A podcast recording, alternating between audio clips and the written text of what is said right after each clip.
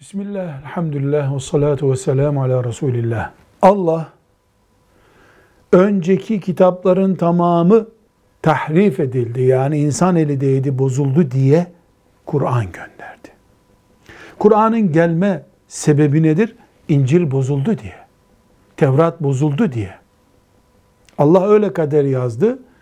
Bozulunca yenisini göndermeyi yazdı. Kur'an'ı da korumayı kader olarak yazdı kendisine. Bu sebeple Allah İncil bozuldu, insan eli değdi, papaz kalemi değdi diye Kur'an gönderdim dedikten sonra Müslüman Barnaba İncil'i filan İncil bozulmuş mudur, bozulmamış mıdır diye soru soramaz. Velhamdülillahi Rabbil Alemin.